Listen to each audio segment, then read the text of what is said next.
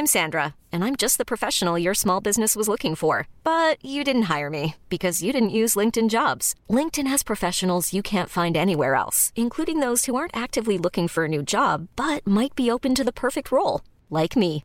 In a given month, over 70% of LinkedIn users don't visit other leading job sites. So if you're not looking on LinkedIn, you'll miss out on great candidates like Sandra. Start hiring professionals like a professional. Post your free job on linkedin.com/achieve slash achieve today. Ryan Reynolds here from Mint Mobile.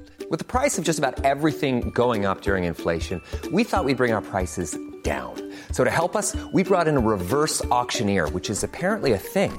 Mint Mobile unlimited premium wireless. Have to get 30, 30, bit to get 30, bit to get 20, 20, 20, bit to get 20, 20, bit to get 15, 15, 15, 15 just 15 bucks a month. So, Give it a try at mintmobile.com slash switch. $45 upfront for three months plus taxes and fees. Promo rate for new customers for limited time. Unlimited more than 40 gigabytes per month. Slows. Full terms at mintmobile.com. Ever catch yourself eating the same flavorless dinner three days in a row? Dreaming of something better? Well, HelloFresh is your guilt-free dream come true, baby. It's me, Kiki Palmer. Let's wake up those taste buds with hot, juicy pecan-crusted chicken or garlic butter shrimp scampi. Mm. Hello Fresh. Stop dreaming of all the delicious possibilities and dig in at HelloFresh.com. Let's get this dinner party started.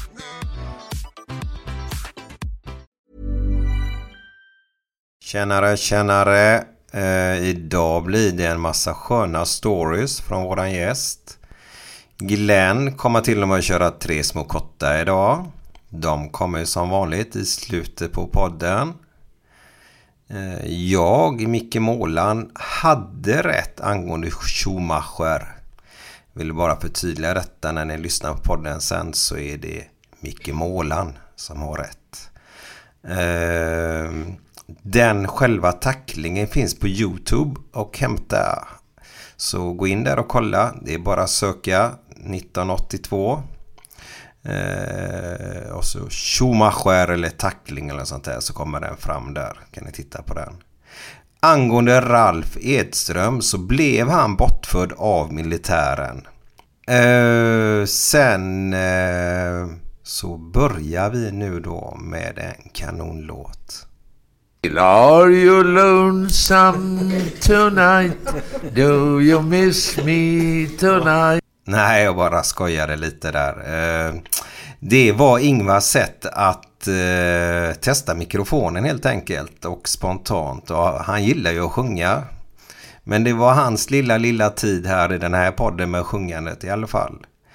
Men eh, på med morgonrocken, sätt på kaffet, sätt volymen på max och sjung med nu så kommer den här dagen att sluta kanonbra. God lyssning!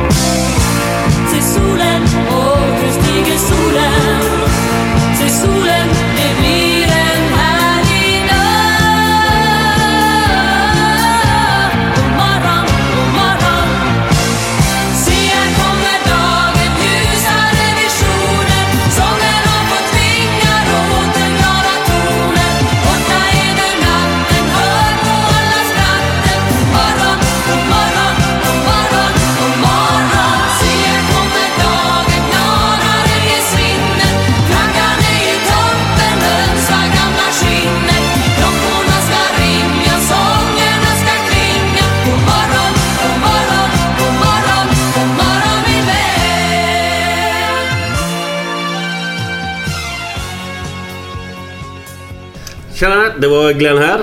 Vi sitter på en, eh, ja vad ska man säga, en restaurang i Göteborg som heter Signore. Och mitt emot mig sitter dagens gäst i Gött Anna-podden idag. Och han heter Ingvar Oldsberg. Ja. Herregud, vilken gubbe! Ja, vilken gubbe. Du, nej, men det är jättetrevligt att bli inbjuden överhuvudtaget till den här podden. Vi har ju försökt i ett antal eh, månader och nu har vi kommit till skott. Suveränt. Vad tycker du Micke? Ja, jag säger bara välkommen, välkommen. Mr Göteborg alltså. Ja, tackar. Jag får ju alltid, när jag, så fort jag ser det på TV eller någonting va, så tänker jag på Göteborg direkt. Eh, du bara förknippas med detta. Vi ligger på Vasaplatsen ska vi säga också, restaurangen. Så Ja, vill ja. någon gå i, du, brukar du vara här och äta något förresten? Du, jajamensan. Framförallt när det är fina dagar så är det lite gott att sitta på utsidan på trottoaren för du får sol, solljus nästan eh, Ja. ja. under en bra tid av dagen. Gött. Ja, det är gött. Och så bor du i närheten också. Och så bor jag precis i närheten så att eh, det är ju i stort sett bara trappan ner och så är man här. Ja, Ja. skönt. Det måste vara jätteskönt. Vad händer med de andra där borta?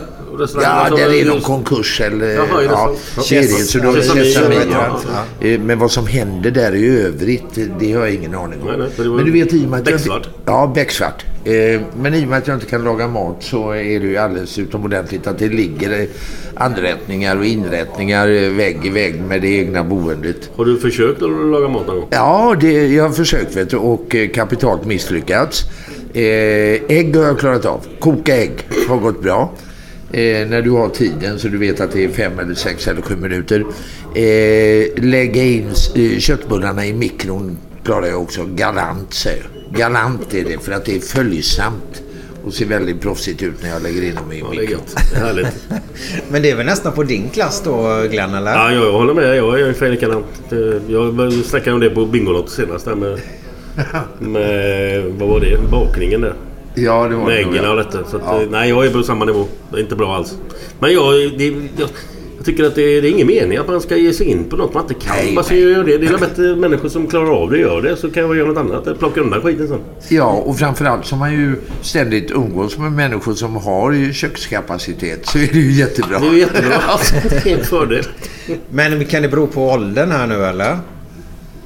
Alltså, Nej, jag har nej, men aldrig eran varit ålder, intresserad. Ingvar, om vi tar din ålder så var det ju väldigt sällan ni män lagade mat hemma. Ja, ja, men så var det ju.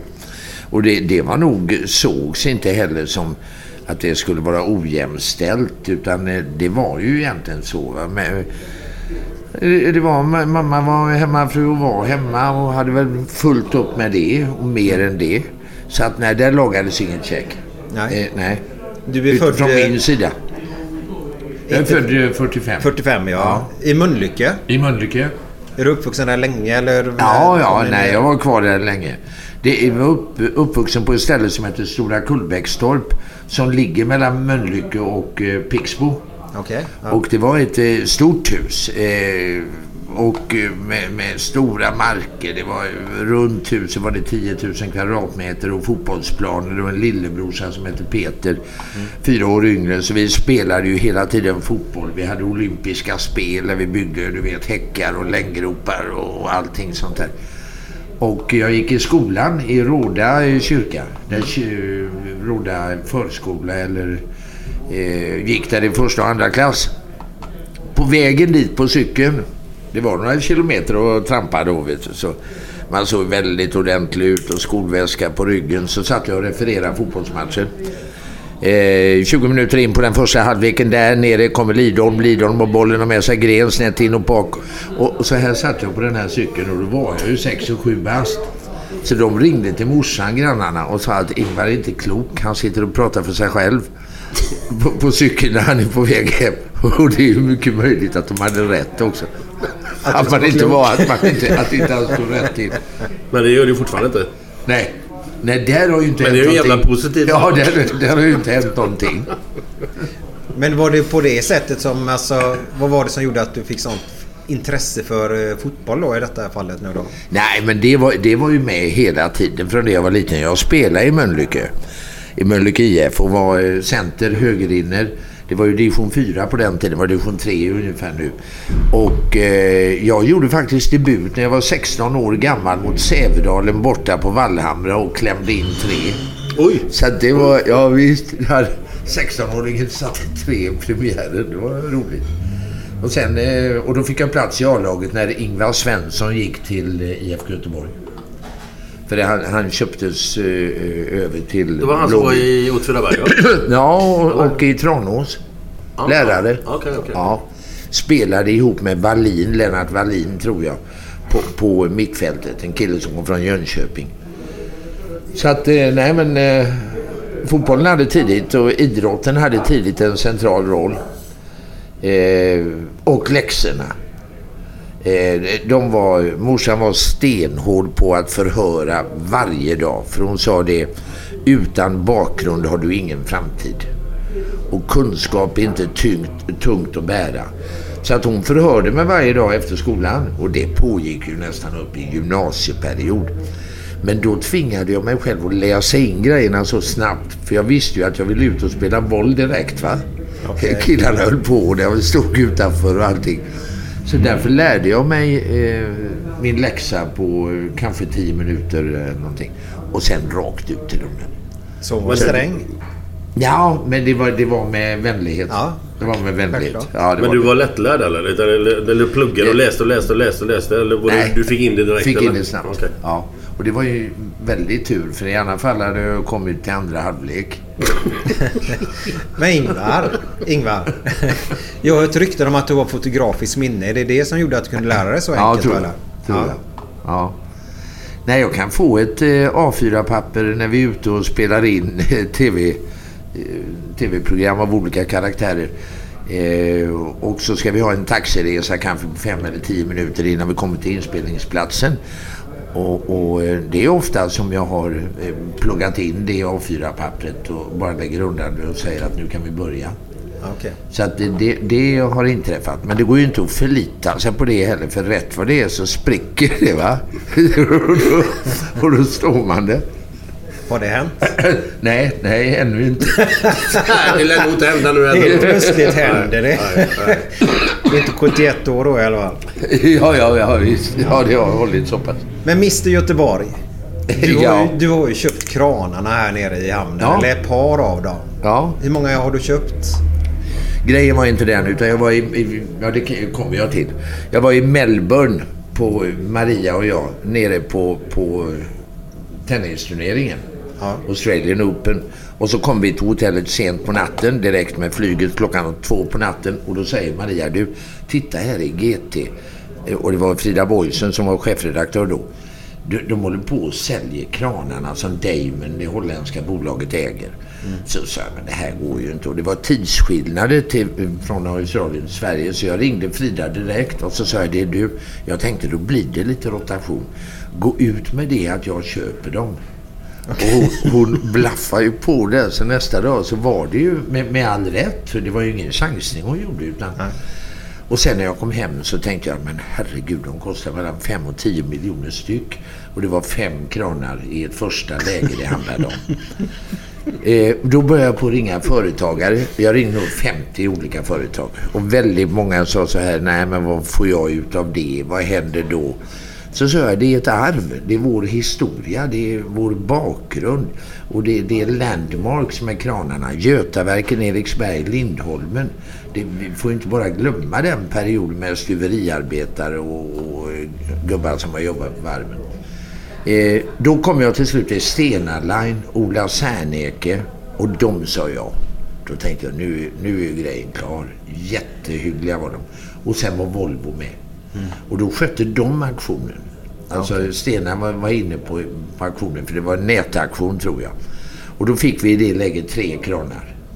Eh, men det, det var ju... Det gick ner i pris väldigt, väldigt mycket. Ja, en krona nu hörde jag sen. Nej, men en... Ursäkta mig. En krona var de sista två kranarna. Som släpptes nu helt nyligen. Detta var för ett år sedan. Säg att det var någon eh, miljon för alla. Jag, jag har inget grepp Nej, om det. nej, för att nej. det gick Det via. Stena. Ja. Men vad, bara en dum fråga jag som inte kan det. Jag tycker det är underbart eh, att ni har gjort detta. Ja. Men kan man ha kranarna bara stående så på med mark eller hur fan funkar Nej, men vi, det? vi skänkte dem till eh, Göteborgs stad. Jaha, okej. Så nu är de eh, Göteborgs stad, eller Älvstranden som bolaget heter där nere, äger och förvaltar nu eh, okej. kranarna. Sen tänkte jag bara nu att vi skulle dra igång där med eh, och döpa om hela området, göra sandstränder och få paddan att komma och så döper vi lite Kran Canaria. Kran Canaria. Ja, det hörde du sa det till mig för några veckor sedan. Det är jävligt, det är jävligt fyndigt. Ska vi ha lite krankalas och grejer där nere? Ja, men det är bra. Men eh, alltså, hur, hur känns det här Ingvar för dig som är uppvuxen här i Göteborg? Och, eh, känns det som att Göteborgs tradition, historia och sånt är på väg ut för eller? Nej, men jag tycker att vi måste vårda den. Eh, och det, det gäller ju inom många områden tycker jag. Eh, det kan ju handla om de gamla båtarna Kungsholmen, det kan handla om båten i Göteborg, det kan handla om Heden, att bevara det. Eh, det, det är ju många saker där vi inte får riva det gamla. Det var ju bara tur att stora delar av Haga finns kvar. Det, det var ju också på väg att, försvinna. Men idag så är ju majoriteten av människor glada över att Haga existerar på det livfulla sätt som det gör nu. Det var ju snack om att de skulle eh, göra om halva Heden till lägenheter ett tag. Ja, men det tror jag är... Det är nedlagt. Ja, jag var med i den där eh, gruppen. Antigruppen, eller? Ja, Ja. Vi, ja alltid. Jag är i alla grupper jag är med i Anti. Antigruppen. Men du vet att... Och det var ju fantastiska. Dennis Andersson i Gotia eh, och, och alla, hela det här gänget och Sävehof naturligtvis. Eh, som ju kör handbollscuperna. Men, men nu är vi nog framme vid att det inte kommer att bebyggas. Det finns ju många andra ställen de kan bygga på. Det handlar ju om att man gör det pietetsfullt. Det ser ju inte så där intagande ut idag tycker jag. Och det har ju kritikerna rätt i. Det går ju att fräscha upp det med träd och alléer och en rotunda och ett café. Och det, det finns ju mycket som man kan göra på Heden för att göra det intagande. Men det känns som att de inte kommer att bebygga nu då eller? Eh, Ja, men du vet att i politiken kan det ju svänga snabbt. De fick det beskedet, tror jag, i den här gruppen, grabbarna som håller på och jobbar med det, att, eh, att, inte, att de har lyckats att stoppa det. Men, men det, det kan ju vara ett delvis stopp. Det kanske kommer någon byggnad. Det- Jag vet faktiskt inte. Det är politikerna som sitter på frågan alltså. Det är de Ja, det som är har makten alltså. Ja, Så det beror ju på lite hur vi göteborgare röstar nu då. Ja, eller? men det kan, ja, det kan du ju säga. Och det, det mycket beror ju på hur vi röstar. Samtidigt är det så vet väl att de stora byggföretagen och fastighetsägarna spelar ju en roll där också. För de kan ju förhandla med Göteborgs stad på ett eller annat sätt och få tillgång till att att bygga. Så att, eh, nej, men eh, visst beror det på hur vi, vi röstar. Det tror jag. Ja. I, I alla hänseenden. Men du satt i den här gruppen då. Bandybanan som var... Som, som Ja. finns där nere. Ska den vara kvar och så? Har du koll på det eller? Nej, det, det, det har jag ingen större koll på. Men det var, det var ju en fantastisk eh, idé utav eh, Göran Johansson. När, när han bara genomförde ju det. Så vi skulle behöva eh, politiker också av, av eh, hans format. Eh, för Göran kunde ju uppfattas som att han gick över... Lite bufflig, kan vi kalla det. Men samtidigt det som kom ut av grejer var ju enastående och så var det ju en, en god kille. Ja. Vad saknar vi det idag tycker du eller? Men, men saknar det ja. ja. ja det, det får man säga. Men det, det tror jag också att politikerna på ett sätt saknar. Det, det är ju bra om det är en mosaik av olika utförsgåvor och olika kunskaper av olika erfarenheter också på det politiska fältet. Tycker jag. Men, eh, jag vet inte om vi avslutade just det kapitlet där eller hur gör vi? Jag är bara nyfiken på vad, vad, vad är det roligaste du har gjort i ditt liv? Ja. Du, Något program eller... Du, rolig, roligast har naturligtvis på ett sätt varit idrotten. Det, det måste jag säga. Det hade turen att komma in hos Lars-Gunnar Björklund i, i Göteborg och fick kommentera både för radio och tv eh, fotbollen runt om fr- från Örjansvall upp till Ryavallen till Uddevalla och så i, i Göteborg här. Eh, och sen VM i fotboll eh, var naturligtvis enastående. Jag var med i Argentina 78 och i Spanien 82. Det var ju drömupplevelser. Nu ska jag ta och stänga av här Men också. du var du på plats eller? Eh, ja, då var jag på plats. Då var jag på plats. Du, nu är det en producent som ringer. Ja, ja. Du, Ta det. Ha, hallå, tjänare. Det är Mats, Mats Stålsjö. Nu går du rakt in i eh, sändningen här. Eten. I, i eten. Nu är du ute där. Så du så... Nu, ja. Så, det, ja, det, det är herrarna här. Så du, vad heter de? Heter det Gläns eller nej? Nej, Gött denna. Gött Emma heter den. Heter. Ja, ja. Ja, det är det. Så vi sitter här. Men du, vi har bli lite senare då. Och, eh, ja, och, och så kommer det tio, vi kommer med tio frågor till dig. Så sätt dig och läs på i något hörn. Ja, för att det, Vi, ja, det, det, ja, det är tuffa frågor vi kommer med. Vi är ju på en med. restaurang Det- som det- sagt varje ja. dag. Det Så, kommer lite avbrott. så det kommer vara lite avbrott. Ja, det kan kommer att vara ljud lite avbrott på den här restaurangen. Ja. Gilla läget, slappna av bara. Ja, ja. Så Det här, är, så här blir det ibland Glenn, eller det är inget jobbigt alls. Det är bara Nej. kul. Det är live det här. Ja. Vi Ja, försöker det är det. liksom... Det är så det Det är gött. Ja, det är gött. Du, eh, Ja, jo, eh, fotbollen då som Argentina 1978, Spanien 82, det är naturligtvis höjdpunkter. Det, det är ju... Eh, och anledningen att jag kom in på, på eh, radio och tv överhuvudtaget, det var att när jag gick och läste efter studenten på universitetet så läste jag till en pol mag som var eh, statistik, företagsekonomi, nationalekonomi, juridik, tråkiga ämnen. Genomgående tråkiga ämnen. Men man gjorde det mest för att föräldrarna skulle vara nöjda. Och statskunskap var ett ämne som jag gillade och fortfarande gillar och hänger med i politiken i världen och sånt där. Men då, för att tjäna pengar då, då jobbade jag i hamnen med blixtbricka nere på Värmlandsgatan med stuvarna. Eh, blixtbricka 53-59. Jag var nattvakt på, på Avenyn i något, eh, där, där posten låg förut. Jag jobbade som vaktmästare på Ullevi. Var brevbärare nere vid posten här i centrala stan. Eh, badvakt på Askim. Alltså det var hur mycket som helst. Och skrev i tidningen Arbetet ihop med Stefan Thulin. Eller Stefan Thulin var chef. Men när jag jobbar på idrottsnämnden, det är egentligen där, när jag går ner med den här blåa overallen. Polle, Sten Paulsson och, och de gubbarna jobbar där också då. Eh, och då gick jag ner under matcherna och stod och refererade.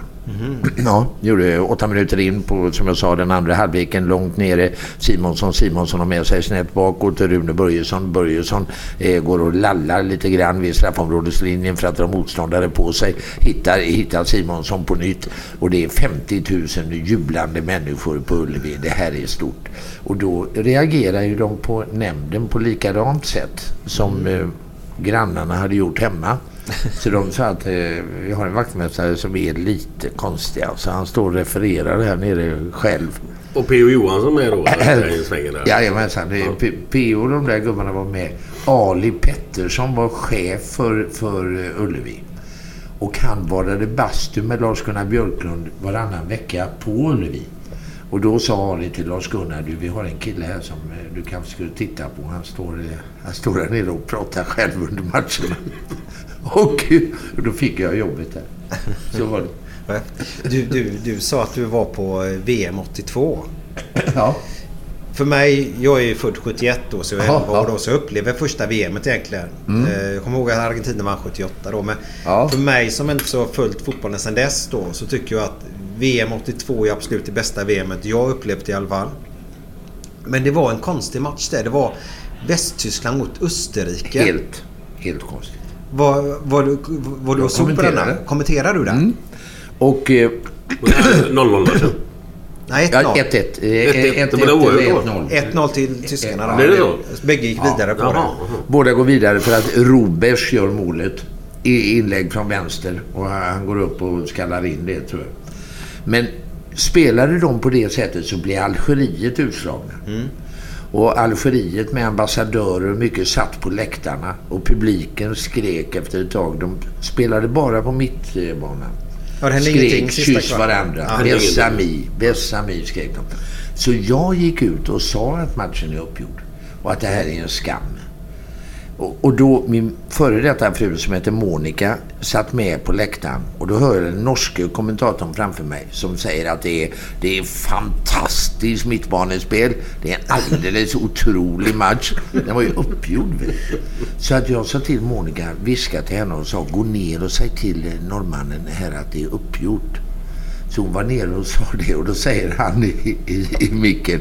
Eh, min eh, svenska kollega här uppe, eh, Ingvar Oldsberg, han säger att det är uppgjort men det är det icke. Det är en fantastisk mittbanematch. och, men han, han kom ju nästa dag och bad om ursäkt. Jaha. Ja, för då hade han ju läst tidningarna. Och, Men vi måste ju bara... Men du såg detta ut i live i ja, sändningen? live i sändningen. Ja. Okej. Vi måste bara förtydliga att den matchen innan då, Algeriet, sa du va? Det var Ja. också, den var ju spelad innan. Så, så då, Västtyskland Ja. och Österrike visste ju vilket resultat de kunde spela på för att bägge lagen skulle gå Ja. vidare då. Ja. Därför går ju bägge matcherna samtidigt nu, nu för tiden då. För att undvika det, ja. Ja. ja. Ja, det var väldigt komiskt faktiskt. Men så, eh, ja, ja, det var det. Sen eh, också 82 så kommenterade jag matchen där, där Schumacher springer ut och kapar Battiston. Ja. Och då sitter jag med Ove Kindvall så säger jag det är direkt utvisning på den där. eh, Och det tyckte inte Ove. Men, men eh, eh, han tyckte att det, jag vet inte om han, han kanske inte såg hela situationen och kom väldigt snabbt på. Men, men eh, det, det tillstod han- också Ove dagen därpå. En fantastisk fotbollsspelare för övrigt, Kindvall. Så att... Eh, nej, det var skoj. Det var Battiston och eh, Schumacher. ja. Jag, jag, jag, jag har läst någonstans, alltså, om, det är, om det är rätt eller fel det vet jag inte men jag har läst i någon fransk tidning att nummer ett hatobjekt för fransmän det är Schumacher. Han är före Hitler alltså. Ja, ja. Alltså ja. jag skämtar inte nu. Det har jag läst i någon jävla tidning alltså. Det är ju helt Ja, sanslöst. ja, visst. Ingvar, kan du bara förklara för lyssnarna vad det var som hände där? För det var, Ja. det var ingen kapning var det inte. Utan det var ju... Nej, det, det är ju... Eh, det är ju nästan en terrorhandling. Ja. Eh, Schumacher är målvakt i, i tyska laget. Eh, och springer ut på, på ett inlägg som kommer mot fransmannen Battiston. Men tar inte sikte på bollen utan tar ju sikte på fransmannen. Och mejar ner honom där. Ja, jag får man kom Eh. fri men skitsamma. Vad sa du? det var de två bara. Ja, det var de två bara där. Jag får ja, man kom fri. Men det är skitsamma. Eh, han mejar var- ju ner honom i alla fall. Ja, jo, om han var fri eller inte, det har ju med inläggets karaktär att göra. Okej. Så han, han kan ju ha varit fri mig. på inlägget. Ja, det, ja det, det får du göra vet du. För att det har ju, han kanske blev fri på inlägget där. Men, men då kommer i alla fall eh, Ja, en höfttackling rätt i huvudet på honom var det va? Ja, det var något sånt. Så du. Den var ja, hemsk. Det var hemskt. Men sen har det varit mycket roligt också. Eh, 78 Argentina var ju fantastiskt med Kempe och Lokes och Villa och Ardiles och Tarantini. Passarella, Quiroga i mål, Hausmann på vänsterytten. Det, det var ju också ett jättegäng. Men Holland var ju grymma. Holland var ju bra där också. Ja. Med Repp och Ne- Neiskens och van Hannechem och eh, alla, alla de här. Kerkhoff. Cruyff grabbarna. Han var inte med. Var han med 78? Nej, han var med Han var 74, var det? Ja, men han hoppade av så och hävdade att det är en diktatur vi åker till. Och det var det ju för Jaha. Argentina. Presidenten Videla, hette han, styrde ju då med järnhand. Och det skulle tydligen ha varit anledning till att Cruyff inte var med. Men, men eh, de hade ju många bra schroll på backen där. Ja, det var ett, det var ett gott gäng. Ingvar, har du koll på vad hände med Ralf Edström där nere? Han blev väl... eh, Har ni koll på det? Ingen aning vad jag tänker på. På 78, 78. VM där.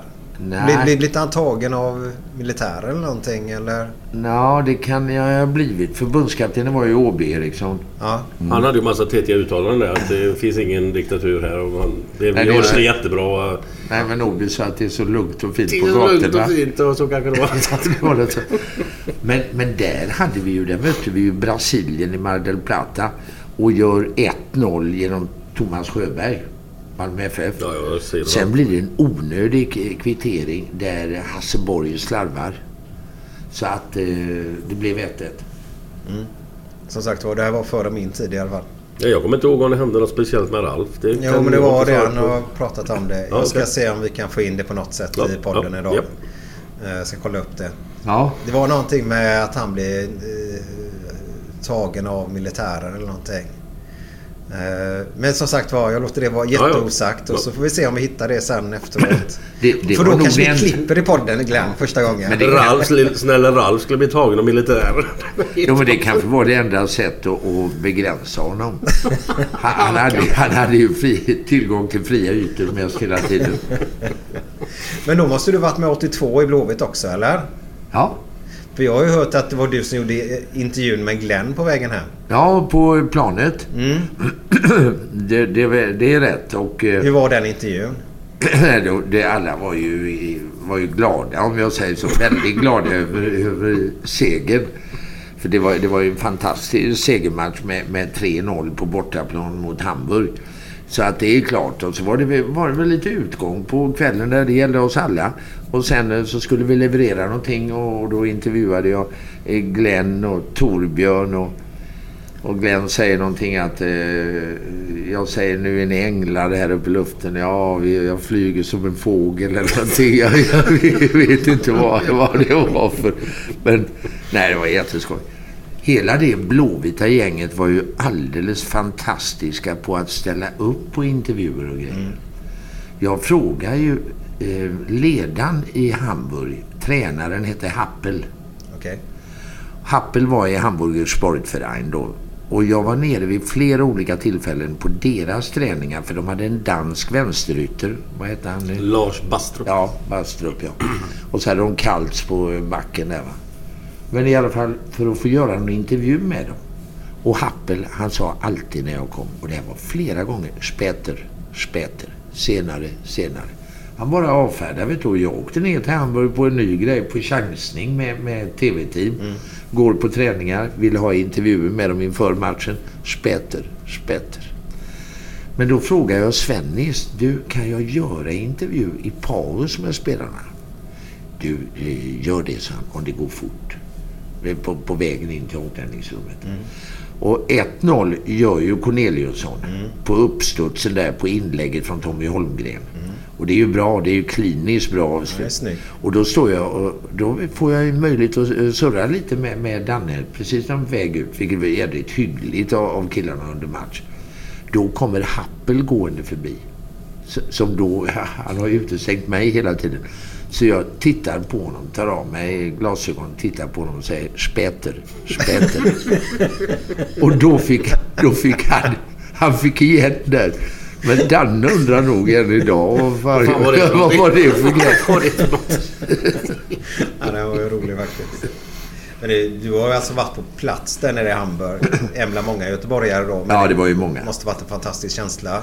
Ja, och du vet när, vad sen gör Torbjörn eh, 2-0 när han eh, springer ifrån Magat.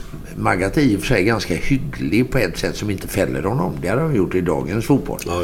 Men, och, och sen i rätt ögonblick på, på fel ben, när målvakten på fel ben och så 2-0. Och så straffen eh, 3-0 då, när Torbjörn fälls och Stig Fredriksson slår väl in. Är du duktig på att komma ihåg namn så just eller? Ja, en, en rolig grej med... Ursäkta. Väldigt. Det är ingen fara, det är lugnt. Nej, det är lugnt.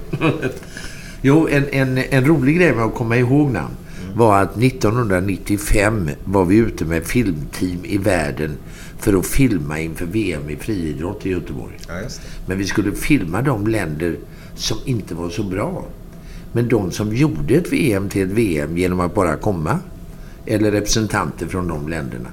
Så då var vi i Mongoliet, Tongaöarna, Nya Zeeland, Oman och Jemen, Namibia och det var en fantastisk resa. Och det, vi filmade de som hoppade 4,50 i längd och sådana här grejer. Va?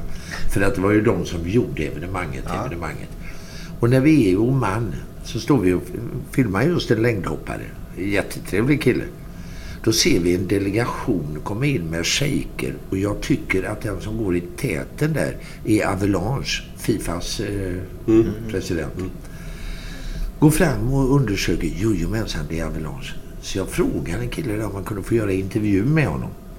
Och då säger tolken som var med, för att det är ju portugisiska då, en brasilianare.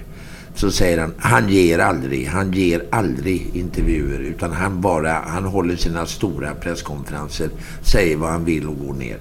Okej?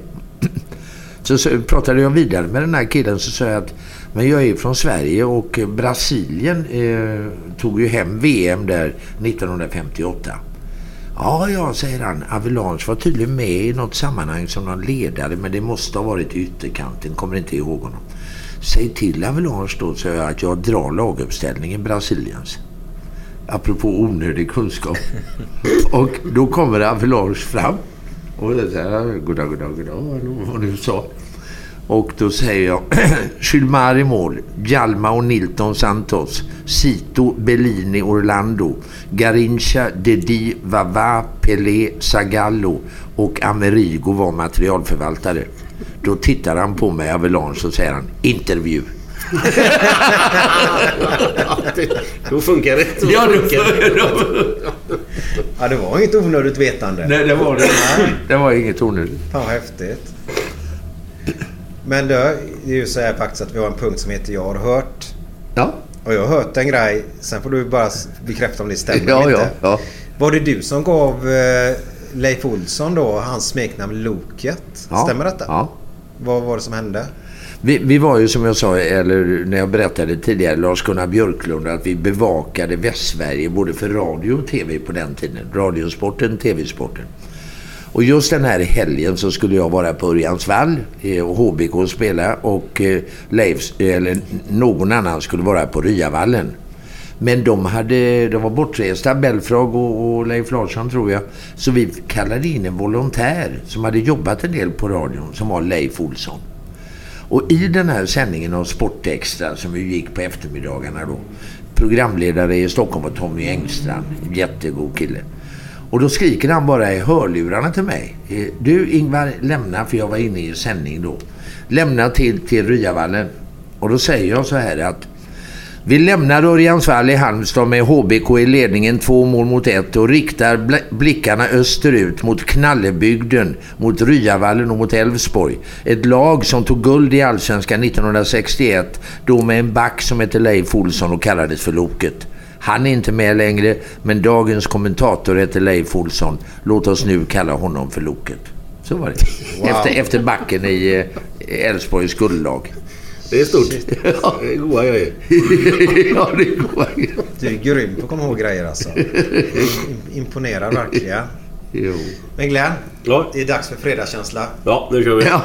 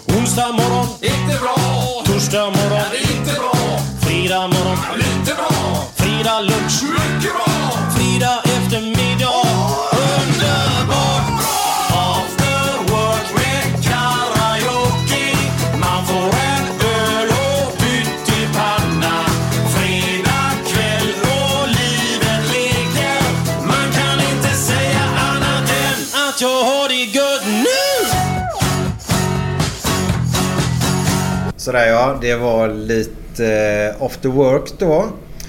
Eh, Ingvar, Ja. fredagskänsla för dig. Har du någon eller du jobbar egentligen väldigt mycket helger och sånt va? Du vet, fredagskänslan eh, hade jag nog mer förr i tiden. När, när du har ett jobb som du går från, från 9 till 5 på. Men, men det här jobbet, jag har fördelen och ynnesten att jobba med, med tv-produktioner och sporten och allt det och På spåret och vad det har varit. Och det har ju varit kvällar genomgående även om det har varit fredag eller lördag eller söndag. Och evenemang att åka på eller klippa band eller vad, vad det nu är. Och, och eh, åka till Tranås och prata om kommunikation och annat. Så att jag menar, det, det, det är ju sånt. Va? Och då upplever man, då får man nog inte den fredagskänslan. Nej. Som man kan få när man stämplar ut på... Ja, men så är det. Så Ja, är det. tror Du, jag. du var inne på en sak där nu. Tranås. Jag var där nu i helgen. På en mässa. Vad heter sjön i Tranås? Ja du, Det är jävligt fint var det. Jag har aldrig varit där förut. bodde vid den sjön. Jajamän. Hade en, en eh, stuga där. Eh, ja, du, nej, jag, jag ska kunna det men jag har inte det. Det ligger inte långt Ja, det är bara för att jag, jag har aldrig Ja, hört talas om nej, det men förut. det Men det var- var bara för att jag har varit där nu. Det- det- Sommen. Sommen. Sommen. Ja.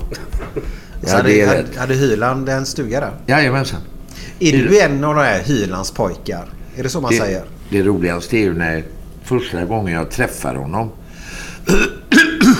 så är det första gången jag träffar Lennart Hyland så är det Lars-Gunnar Björklund som har ordnat det här för jag skulle åka upp och vikariera på TV-sporten 1972 73 någonting. Och då skulle jag presentera mig för dåvarande chefen som hette Åke Ivarsson. Jag åker upp till TV-sporten i Stockholm och TV-huset är stora. Smyger i korridorerna, ska leta rätt på var TV-sporten ligger. Hittar efter mycket letande och sökande och kolliderande med kändisar. För det var ju sådana överallt. Jag tänkte att det, är, det här är ju ganska kul. Och hittar inte TV-sporten. Gör det efter ett tag. Och ser då Åke Ivarsson och dörren där in till hans rum. Då går jag fram och eh, bankar på den. Nej, bankar är fel. Jag petar. Det, det var ju ödmjukt. Så det, och då hör jag bara från insidan. Kom in! Så går jag in. Då sitter Grive, Plex, Åke Ivarsson och Hyland där. Och Hyland, Tunga gubbar. Hyland var ju guden. Så han reser sig upp och säger fel namn. Han säger så här. Ja, ja, ja, ja, ja du Oldsbom. Roligt för dig att komma hit och lära dig någonting. Då tittade jag på honom och så sa jag, du eh, Hyfjäll, det här kan jag redan. Sa du så? Ja. Och, och, och sen den dagen så kallades jag för Bom. Så Fredrik Belfrage och jag gjorde en serie som heter Bell och Bom. Ja, det kommer jag ihåg. Ja. Stämmer. Och eh, på kvällen sen, jag bodde i tredje hand i en lägenhet som nästan ingen hade bott i, tror jag, på Gärdet. Litet där eh, sovalkoven låg i köket. Och eh, en telefon där inte hade ringt på. När klockan är halv tio så ringer det på den här telefonen. Så hör jag bara. Ja, är det bom? Ja, har du. Tuss har lite mat över. Kommer du eller? E- Eriksbergsgatan. Så jag åkte dit, kommer dit. När jag kommer dit så står de uppklädda och tar emot.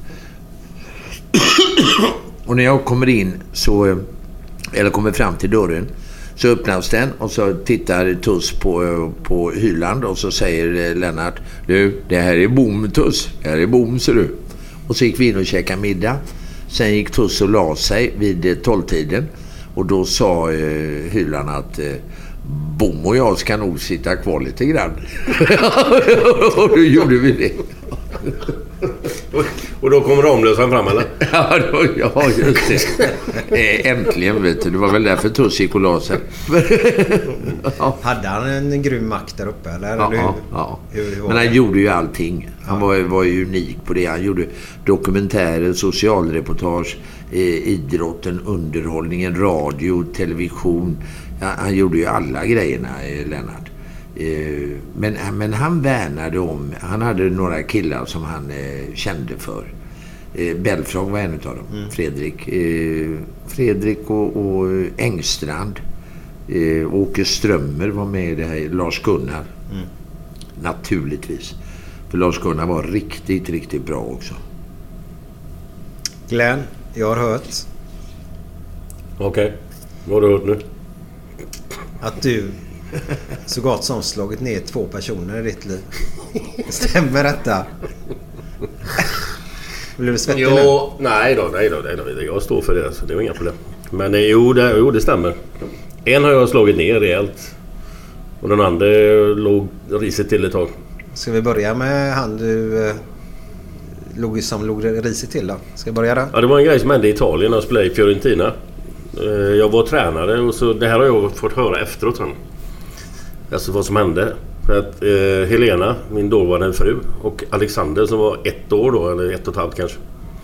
De var nere och shoppade på ja, något torg där. marknad. Så skulle de gå över ett ögonställe. Och då kommer det en dam i en bil. I full speed. Kör nästan, det var en halv meter från vagnen. Kör ner och så rätt in på en parkering. Och Helena blev ju galen och rädd och allting som går att bli liksom. Gick fram till kärringen och skällde ut henne som helvete liksom. Och då kommer hennes gubbe ut från en... Ja, han har varit någonstans. Och ser när Helena står och skäller på henne. hon- Han har ju inte sett vad som har hänt. Nej. Så han går fram till Helena och tar strypgrepp på henne liksom. Ge fan i min fru liksom så här liksom. Han har ju ingen aning om vad som har hänt då liksom. Nej. Och sen får jag höra detta efter träningen. För hon kommer ju bort med vagnen då. Och då börjar man koka lite lätt sådär liksom. så att vi åker den vägen Ja, förbi, klart. förbi torget där, där det hände då. Så jag, "Har du- ser du han här eller? Nej, nej, nej. nej. Tänk på då. Nej, nej, nej, jag ser inte honom. Men uh, där står deras bil. Hopp. In där och det började ju ryka i öronen lite. och så säger hon, där är han. Jag bara tvärnitade handbromsen och så ut. Och jag sprang rätt mot gubben. Jag tänkte inte på någonting. Hjärnan var bara borta. Och han ser ju att någon kommer jagande. Och Jag vet inte om han fattar att jaha, det kanske är så här då eller någonting. Så han rusar in i en trappuppgång. Jag får in dörren, eller foten i dörren innan den gick igen. In där. Fick tag i han. Lyfte upp han på en sån här strukturvägg så här som, som, som är med piggar ut så här. Och jag kände det bara, alltså det gick sönder. Det var som, det var som Hulken ungefär. Skjortan gick sönder. jag, jag var helt stollig. Och dunkade på ången där. Och så vräkte jag ur mig allt jag kunde på italienska. Det värsta som fanns. Men så till slut tänkte jag, fan nej, nu får det räcka här va. Så jag satte ner han liksom. Och så gick jag ut. Och då kom han tillbaka och började snacka förmodligen bara om ursäkt och så, där, bla, bla, bla, bla, och så satte vi oss i bilen. Och så stoppade han in handen, eller stoppade, han stoppade in huvudet så här i bilen och skulle förklara någonting. Vevade upp och så backade och satt han fast med huvudet. I ett par meter, sen släppte jag ner igen. Jag kunde inte släppa med honom på motorvägen typ. Det var ena gången. Sen andra gången var på Frankfurts flygplats. Jag var inne och skulle kissa. Står vi i en pissränna. Då kommer det fram en kille, ställer sig bredvid mig. Och tar mig rätt i mellan benen så här. Rätt upp i mellan, tog allting. Jag tänkte vad är det för sjuk jävel? Men det första man tänkte på var bara han får en rak höger. Men jag laddade allt vad jag med höger utsida så. Så, smack. Allt vad jag orkade. Jag lovar dig. Jag, jag tänkte inte mer då. Han landade i toaletterna. Två meter längre bort. Och alla de här, det var ju sådana här tunna väggar på toaletterna. Så de rasade ihop. Så det blev ett jävla liv där inne. Så kom ju det vakter in och tog tag i mig då. Jag Skulle, så jag var ju på väg att ta han igen alltså, en gång till och bara så dunka. Det är så förnedrande och så- jävlar Ja, så gör ja. du inte bara. Va? Men sen stod det en liten korean eller något i hörnet där borta. Som kom fram, pekade på honom och så sa han någonting på tyska. För jag kan ju inte tyska riktigt bra. Jag kan ju fatta något. Men... Och då, då, då var det precis som att då har han förklarat för polisen vad som har hänt. Ja. Så de släpper mig. Så jag får ju gå. Så tar de hand om honom istället. För det var han som var den Ja, som hade gjort ja. något. Och jävlar alltså, jag tänkte jag kunde slått ihjäl honom alltså. Ja, ja, ja. Sen gick jag rätt ut i baren. Och tog en pints whisky typ. Ungefär. För att komma ner i varv. För jag skakade alltså. Ja, så jag stod ja. så här. Alltså jag blev rädd för mig själv. För Ja. jag blev så jävla arg. Ja, ja. Det är inte bra. Klart. Nej, det är inte bra. Det är bättre att bli lite småförbannad lite oftare. Ja, lite ett, nej, men istället för att få vulkanutbrott två gånger i livet. Det ja, kunde ju gått åt helvete. ja, men det är klart. Herregud. Ja, det, det var det du tänkte på så. Ja, det var det Mm. som jag hade hört då. Men det är ju eh, som du säger kanske bättre att få lite mindre. Men samtidigt Ja. så är det ju två stora grejer i ditt liv som händer där. Alltså det, till sist är det ju en förnedrings... eh, Ja, så gör man inte om man inte vill det själv. Nej, självklart. Är det ju annat. Hade jag Nej, bjudit in nej. honom där så... Ja, man bjudit in honom Ja. hade ju varit en helt ny gren. Exakt. Ja, så var det. Men Glenn och Ingvar, ni två är ju två av Göteborgs mest kända personer. Du eh, var på tapeten här i fredags Glenn nu. Eh, Han fick vara med på Aftonbladets mest klickade nyhet då. På en fredag att Glenn inte skriver sina krönikor själv i GT. Nej, men jag såg det. Det gjorde Ja. han som en jättenyhet. Ja. Eh, och både du och jag blev förvånade Glenn. Mm. Jag Eh, fattar ingenting. Och det var ju ingen nyhet. Eh, Så ringde han upp dig för det var ju Filip och Fredrik, deras Breaking News. Ja, okej. Ja. Så där han ringde upp dig och frågade om detta verkligen stämde. Så gjorde de det till en grej och så gjorde de det till en grej. Och så var vi där. Har du varit med om det ofta så Ingvar? Att en liten grej har blivit en jättestor grej? Ja, men det tror jag. Du vet att... Eh, no, ursäkta. Det, det, det har jag ju varit med om naturligtvis. Det är inget sånt jag kan påminna mig egentligen. Men, men eh, det, blir ju, det blir ju skriverier om allting. Och det är ju inte alltid att det är helt med sanningen överensstämmande. Men eh, det där får man eh, ta också och säga ja, vad, vad då?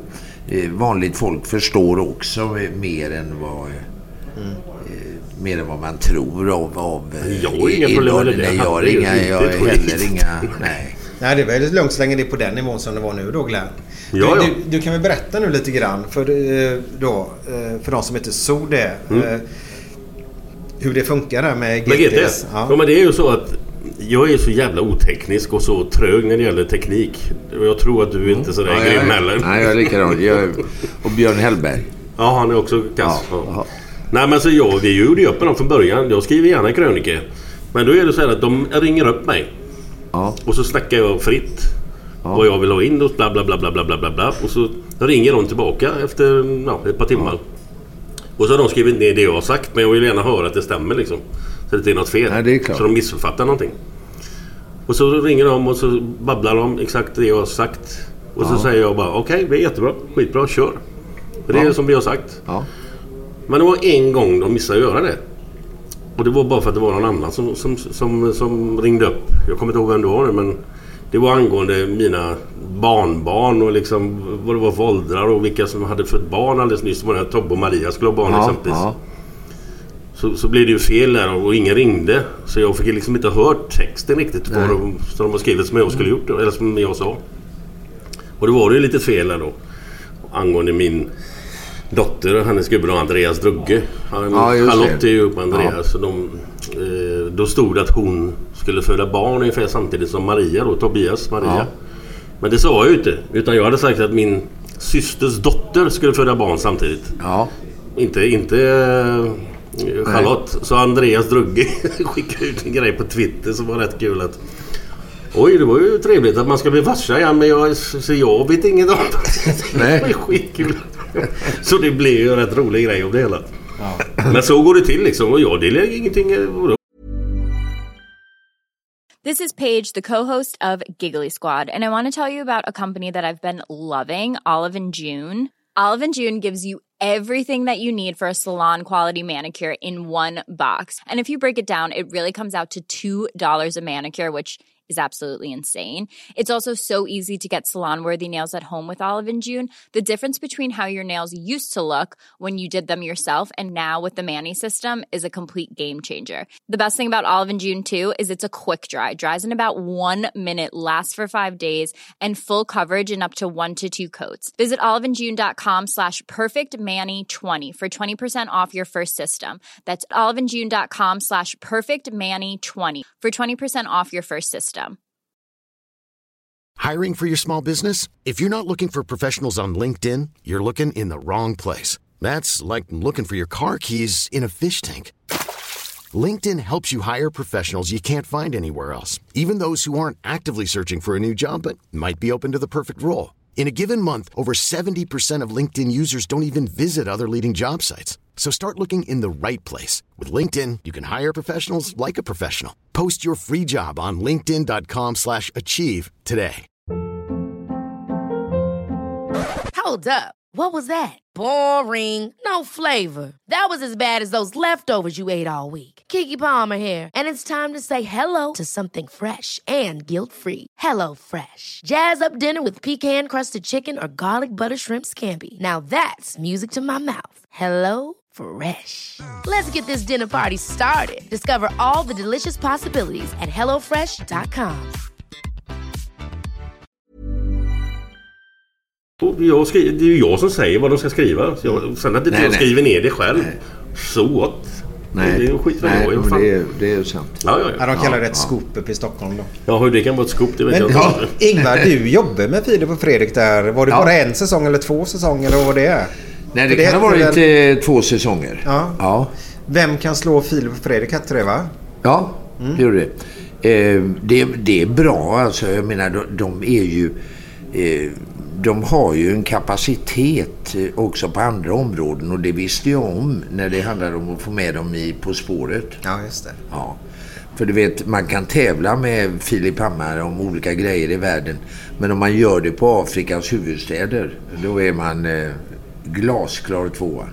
Ha- ha- Han tar alla, alla länderna och de, de ändrar ju, ändras ju också kontinuerligt. eh, De är både namnmässigt och till ytan. Men, men eh, de, är, de är ju härliga eh, killarna. Jag kallar dem för Fimparna hela tiden. Och, och snart hoppas jag ju i och för sig att de kommer upp i en ny nivå av sitt tv-skapande så att de blir eh, ännu mognare. För de har kapaciteten till att bli det och att vara det. Så att eh, jag ville ju, eller hade ju som ett önskemål att de skulle ta över På spåret och leda det. Då hade det kommit en eh, helt ny gäng och de har med sig mycket kunskapsmässigt. Men det var ju inget felaktigt val det som skedde nu. Men, men eh, Filip och Fredrik kanske kommer i ett senare läge och leder det, man vet inte. De har ju varit med och tävlat med framgång. Vad, vad var det som gjorde att eh, du hoppade av där? Var det, vilket år är vi inne på då? Nej, det, det vet jag inte du. Nej, men det, det var nog inget avhopp så att säga. Utan det var där kan man ju säga att vad var det som gjorde att jag hoppade på? Eh, egentligen för att det, det var ju tänkt att, från början var det tänkt att bara vara ett år. Ah, okej. Det ingick i deras eh, planer på något sätt och nu kanske det blev två, har jag för mig att det blev. Men eh, de var ju... De gjorde ju också ett annat program som hette Ett herrans liv. Ja, det kommer jag ihåg. Ja, och där var jag med. Och då skulle jag, och de fick övertala och övertala och övertala mig. För jag sa att gubbar, det, det går inte. Ni, ni kommer under bältet och ni är där nere och ni håller på lite för mycket emellanåt. Nej, men det är inte så Ingvar, det är inte så.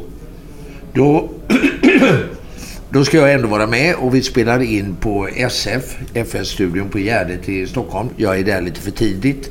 För de gör programmet, eh, det tidigare programmet med Göran Persson, Ett herrans liv. Så jag går i korridorerna där, vankar fram och tillbaka och hittar manuset som är vad det gäller mitt eget program. Och då ser jag ju exakt vilka frågor de ska ställa. Och vet alltihopa. Så när vi kommer en bit in i, eh, i, i eh, sändningen så säger de så här. Ja Ingvar, det har ju blivit ett eh, antal kvinnor genom åren och ett antal giftermål. Då visste jag vad de skulle komma till. Då sa jag, nu kommer den här vanliga frågan. Ni kommer att fråga mig om jag föredrar Åse Kleveland, Tarja Hallonen, Kerstin Granlund eller Merlin 80. Och så har ni väl säkert bilder på dem också, så jag. Och där hade de bilder på de här. Och de blev ju... De visste inte vad de skulle ta vägen. Alltså, det, det är bara jag är lite synsk. Men jag, ser ju på er ungefär vad ni vill fråga om. Eh, och så gick det ett tag av eh, intervjun, fortsatte ju. Och så sa jag att nu, nu håller ni på för länge med det här ämnet gubbar. Nu får vi komma in på ekonomin. För att eh, det måste avhandlas också innan vi slutar det här programmet. Ja, ja just det, så jag. Vad ska du in på? det var jag, jag hade ju hela körkortet. Ja, du lär dig ju snabbt också. ja, ja. Så det, det, det var ju lite roligt faktiskt. Ja, det var riktigt häftigt. Sa du till dem det sen efteråt? Jajamensan. Ja. Jag tror till och med de klippte bort den sekvensen, vilket var lite synd. För då- de kunde ha bjud, man kan bjussa på Ja, det. ja. Ja, men det är viktigt att bjussa på grejerna. Ja, men det, det är ju en grundläggande grej. Det, det är ju, Glenn är ju fantastiskt bra på det. Eh, faktiskt. Det finns ju ingen anledning att inte bjuda på eh, misstag eller om man har fel. Eller det, det är väl inga märkvärdigheter med det. Nej, då då alls. be, säger man att men herregud, jag hade fel där. Och, eller gjorde fel där. Utan eh, vi får rätta Det till viktigaste det. är väl att man har en åsikt överhuvudtaget. Sen om den är rätt eller fel hos många, det, herregud, vad spelar det för? Nej. Tänk om man bara ligger i mellanmjölken här hela tiden och skvalpar. Ja, ja, ja visst. Kul är det då? Nej, det, det, jag håller med dig helt och Hur hållet. mycket klipper de på, på, på, typ På spåret där? Det var väldigt lite. Det var väldigt lite. När vi körde, jag körde programmet i 23 år. Mm. Från 87 till 2009. Och Hellberg kom in efter några år. Han var ju tävlande först. Ja, det var ju tre varje i början va? var tre varje. Där finns faktiskt en, en bra story där. Vid ett sånt tillfälle så var Jonas Hallberg eh, stå upp eh, komikern, Ja, ja. programledaren, stockholmaren med. Och de sitter tre i buren och resan går mellan Ystad och Köpenhamn. Och de får ledtrådar, 10 poäng, 8 poäng, 6 poäng. Men de klarar inte det riktigt. Så ledtråden på två poäng är har du båt, den går mellan Ystad och Köpenhamn resan. Har du båt så köp en hamn. Då rycker Jonas Hallberg blixtsnabbt i nödbromsen och skriker Greno! så det kan, det kan ju hända en del felaktigt. Men du, var det inte... Jag kan inte exakt vad det var nu, men... Peter Apelgren, han, han, det var någonting med han. han hade, var inte någon fråga om Göteborg som han var helt... Han, var Ja. helt för, han fick total kortslutning Ja, eller någonting. Vad fan var det? Ja, jag kommer inte ihåg frågan där heller. Men, men, eh, Men det var alltså resan gick till Göteborg tror jag, eller var det inte så? Och han kom inte på det på hela vägen. Nej, något- något resan gick till Göteborg. Kommer inte ihåg var den började. Och det var ju till slut var ju ledtrådarna Karl och Ada, Liseberg och Götaverken alltså. Eh, Ullevi. Men... men eh, han var helt borta alltså. Det var sanslöst. Ja, det var han. Det var han. Men å andra sidan, det, det är ju en del som har varit under, genom åren. För de sitter också i burarna, vet du väl. Och det ska levereras där. Och, Ja, det är inte så himla Nej, enkelt, Det kan det kanske inte är så Nej, herregud. Vem är den absolut bästa tävlanden? Där. Alltså Björn Hellberg måste ju vara beroende på det att första året vi gör det är 87. Vi kommer på idén själva här i Göteborg. Mm. Eh, och det, det är en lång saga egentligen hur den kom på. Men det är Sten Previn som var chef i Göteborg då.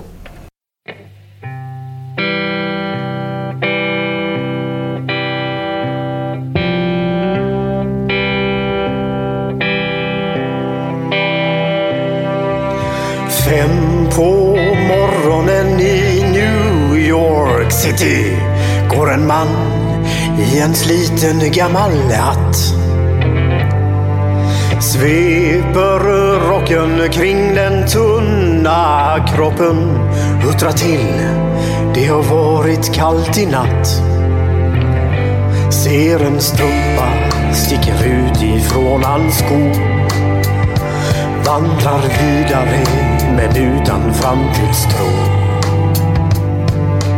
Fem på morgonen i Hallonbergen står en kvinna med gråten i sin hals. Tittar håglöst in i morgonsolen. Hon är trött, hon har inte sovit alls. Två av fem miljarder människor på vårt klot.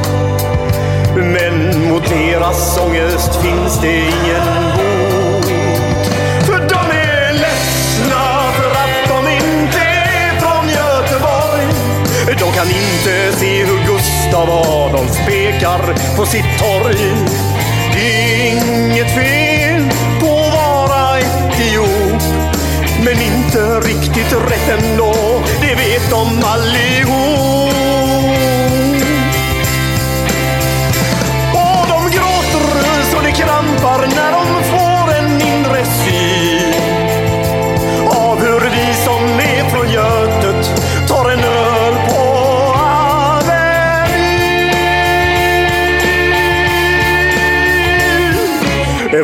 Fotbollskille får sitt genombrott och snackar proffskontakt med fem italienska klubbar.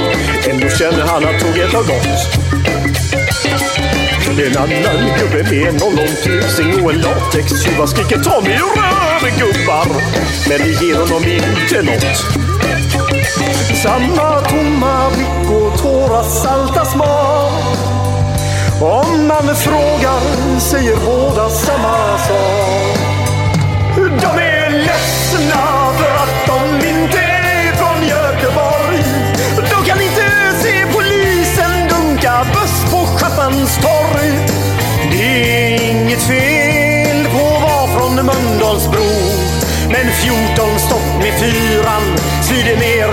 kan tro. Och de gråter och slår det krampar Två tummar upp, det innebär att vi går vidare. Eh, på spåret, ja, det har ju en, eh, en saga som jag ska, eller ett, ett förlopp som jag ska försöka förklara i lite komprimerad form. Eh, det föddes i mitten på 80-talet och jag satt på restauranger ganska mycket på, på den tiden på Avenyn. Jag sitter på Rubinen och det kommer fram en servitris eh, som kommer från Tyskland och då berättade hon att man har ett program i Tyskland där man närmade sig städer med helikopter. Eh, om det var över Hamburg eller eh, Hannover, Frankfurt med München eller vad det nu än var. Och, och ju längre ner man kom med helikoptern ju mer såg man ju av städerna. Har vi katedraler, kyrkor och fotbollsplaner och annat. Och samtidigt var det en kille, för vi gjorde då ett program som hette Oldsberg för närvarande som gick på fredagskvällar och var en liten talkshow. Och han var med i redaktionen och han hade sett ett band i England, ett popband, som åkte på tåget från London till Brighton. Och så skulle de spela sin låt under den här resan. Men låten var ju mycket kortare än vad resan var så de speedade upp hastigheten på tåget. Så det skulle ta tre minuter, som ju låten tog.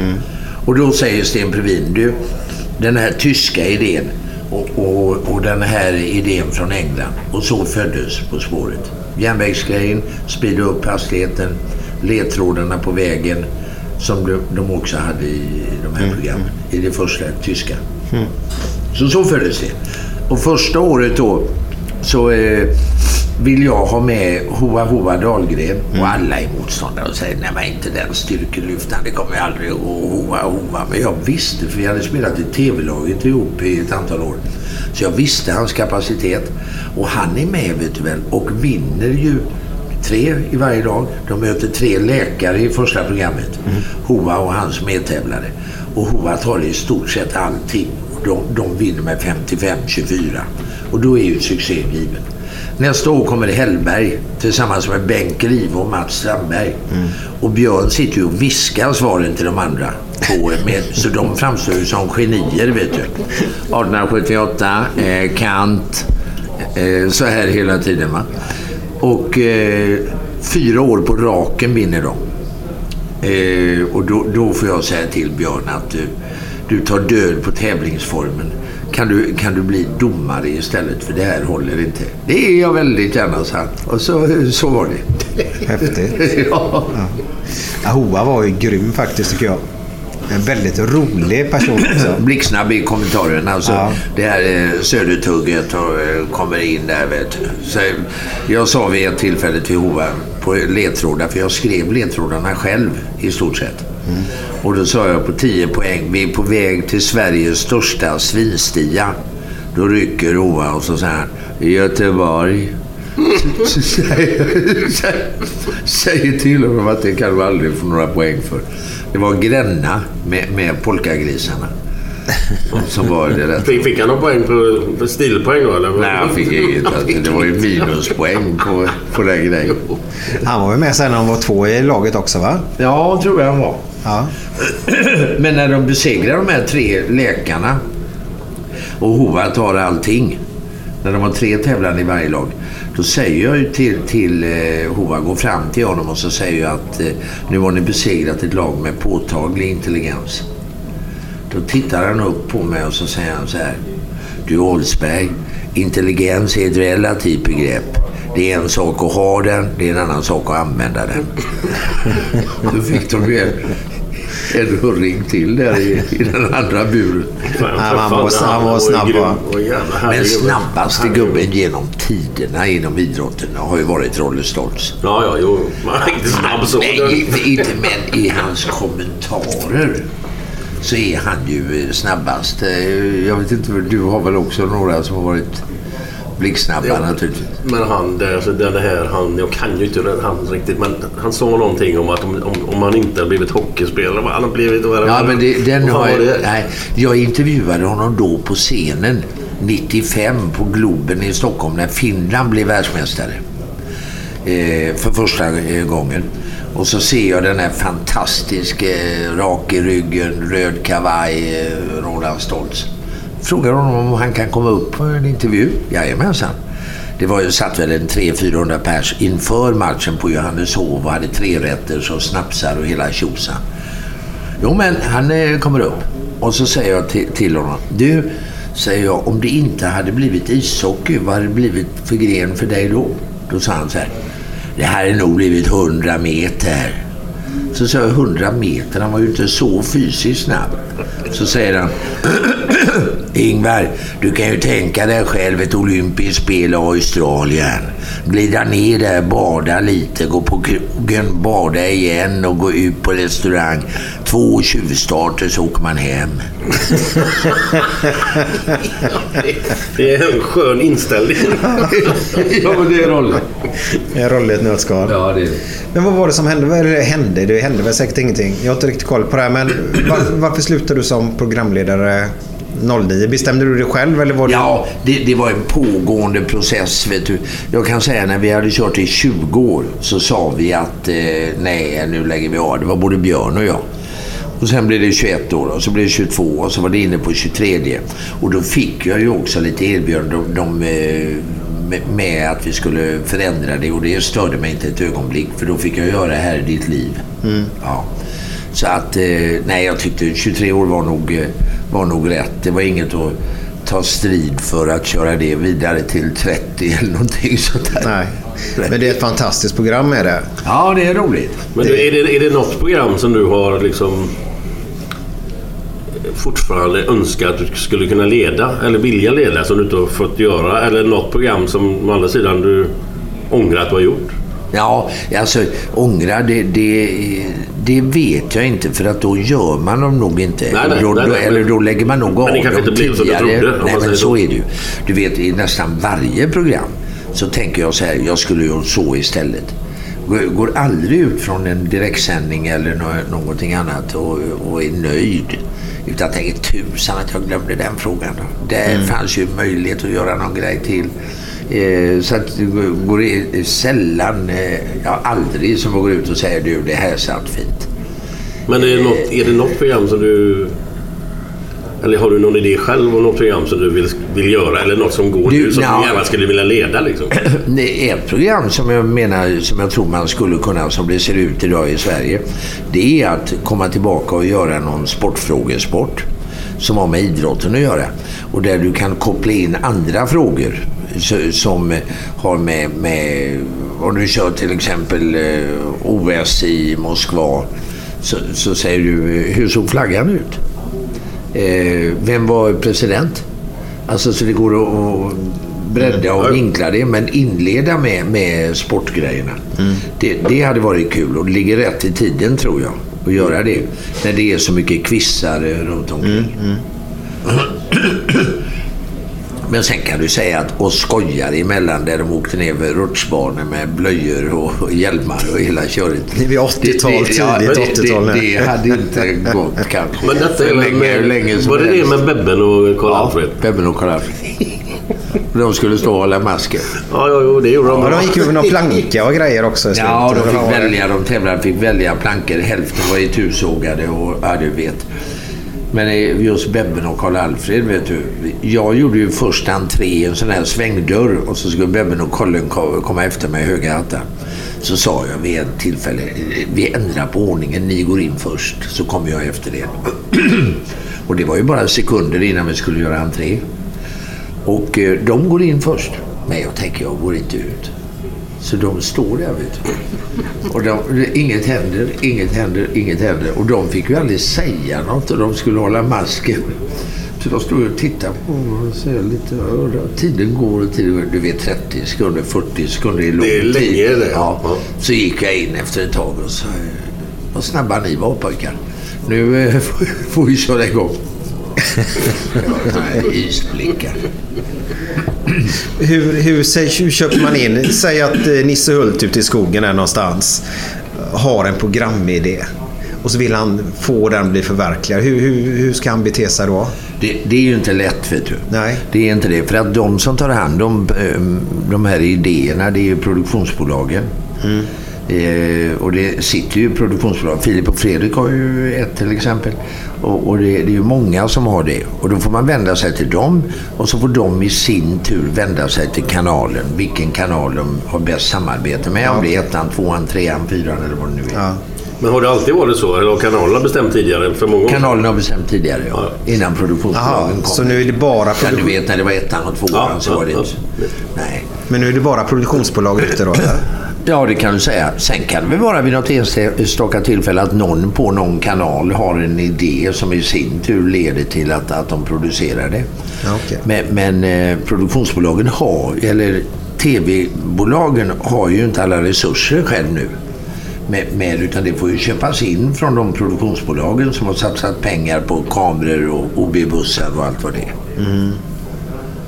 Det är det. Så Nisse Hult ska vända sig till eh, produktionsbolaget då? Det, det får Nisse Hult göra. Kan du inte berätta vad han har för idé, Nisse? Jag vet inte vad Nisse Hult kan ha för idé. Ett matlagningsprogram i två dagar skulle varit något. Men, men har du... alltså, vad är den godaste? Jag ska inte säga tabben, men liksom, floppen. Vad heter det? Ja. Floskeltoppen. Då, då, då, vad är det roligaste du har sagt som det bara, harklar ur liksom, som blev lite fel? Nej, men det har det säkert blivit. Men det är inget som jag kommer ihåg sådär eh, faktiskt. Men, men visst kan det ha blivit något. Men du vet att det är också ganska bra om det blir fel. I amerikansk tv, jag bodde ju åtta år i, i Kalifornien, eller hade hus där i åtta år. Eh, och då tittar jag på allting och jag tittar på allting nu också. I amerikanska tv-program var inte sällan så att de skrev in fel i manuset. För det skulle vara mänskligt. Letterman hade det vid tillfällen. Där han bara säger någonting som är helt fel och så säger nej men herregud det där får jag rätt- rätta till. Hur kunde jag säga? Och då, då blir det så att man uppfattar det som att det blir inte så nej. styrt utan det blir mänskligt. Så att felaktigheter är nog inte... Det är ju kul att se på. Ja. Eller höra på. Ja, men så är det ju. Så är det ju, vet du. Det, det är ju tv med felaktigheter. Hur kunde jag göra det här? Va? Ingen där hemma förstår. Nu förstår jag plötsligt. Och så tar man om det. Så att... Eh, Men varför bodde du där i åtta år? nej, det var efter... Vi bodde där inte i åtta år. Hade ett hus i åtta år. Var där två Ja. månader per år kanske. Okej. Och det var efter de olympiska spelen 84 så fick jag höra talas om en svensk stad som heter Kingsburg som ligger mellan Los Angeles och San Francisco med en borgmästare som heter Gordon som kom från Hammarö utanför, han var 80 år, Hammarö utanför Karlstad. Och han gick runt i folkdräkt på huvudgatan. 7000 människor och 17 kyrkor. Och jag försökte hjälpa honom att få dit svenska företag. Eh, och gjorde fem resor fram och tillbaka. Eh, själv då mm, tog kostnaderna själv och åkte runt på handelskamrarna för att få dit svenska företag. De ville ha dit det. Svensk eh, staden och alltihopa. Och jag får med mig 15 företag. Det är Triumfglass och det är en del andra. Men Inget stannar. Alla, alla åker hem. Svenskarna vi- ville dra det i långbänk hem och förhandla med, med styrelsen. Amerikanerna ville att det skulle ske blixtsnabbt. Billiga lån, bra mark, förutsättningar, alltihopa. Då går jag in på banken där så tänker jag när alla åker hem nu stannar jag. Och går in till bankdirektören på Bank of Fresno heter den. Och så säger jag, kan jag få låna det och det till ett hus? Och då säger han att det är omöjligt Ingvar. Du hade ändå lärt känna honom när jag hade gjort de här resorna. Ja, varför det? Så? Jo, för att du måste ha inkomst i landet. Så du måste kunna visa på om du ska ta ett lån att du har intäkter. Då ser jag borgmästaren utanför, Gordon Zetterberg, liten, fortfarande i folkdräkt. Så jag eh, ber honom att komma in. Och säger jag, Gordon, det är väl konstigt att jag inte får låna. Så? Du, jag går i borgen, sa han. Omedelbart. Va? Så han gick i borgen. Samma eftermiddag åker jag ner på en adress som heter 2330 22 Avenyn. Det var inte mycket till avenyer. Three bedroom, eh, swimmingpool, hela köret. Vi undertecknar. Lärarinna som ska flytta till Washington State är det som säljer. Och sen tänker jag, får jag låna hennes telefon? För jag ringer till Gunilla då, Victorias mamma. Och eh, säger det att eh, jag måste ju berätta att jag har köpt ett hus alltså. För hon var ju i Sverige. Och då sa hon när jag ringde att du, jag är lite upptagen. Eh, Jag ringer tillbaka till henne. Så vilket hotell bor du på? Hotell, sa jag. ska man väl inte bo på när man är utomlands. Då ska man ha eget hus. Du är inte klok, hörde jag. Så slängde hon på luren och ringde tillbaka sen. Men sen var ju alla nöjda med det. Sen hade vi ju det i åtta år och var där två månader per år. Ja. Stålsjö som ringde förut var på besök och Belfrage kom över. Och, nej, det var mycket. Du har ägt ganska många olika hus. Ja, men inget har varit någon bra affär. Jag är sanslöst dålig affärsman. Är det otur bara eller? Ja, ja, det är så jag ser det. Alltså, att man inte har haft någon röta, som vi säger. Det är det otur bara.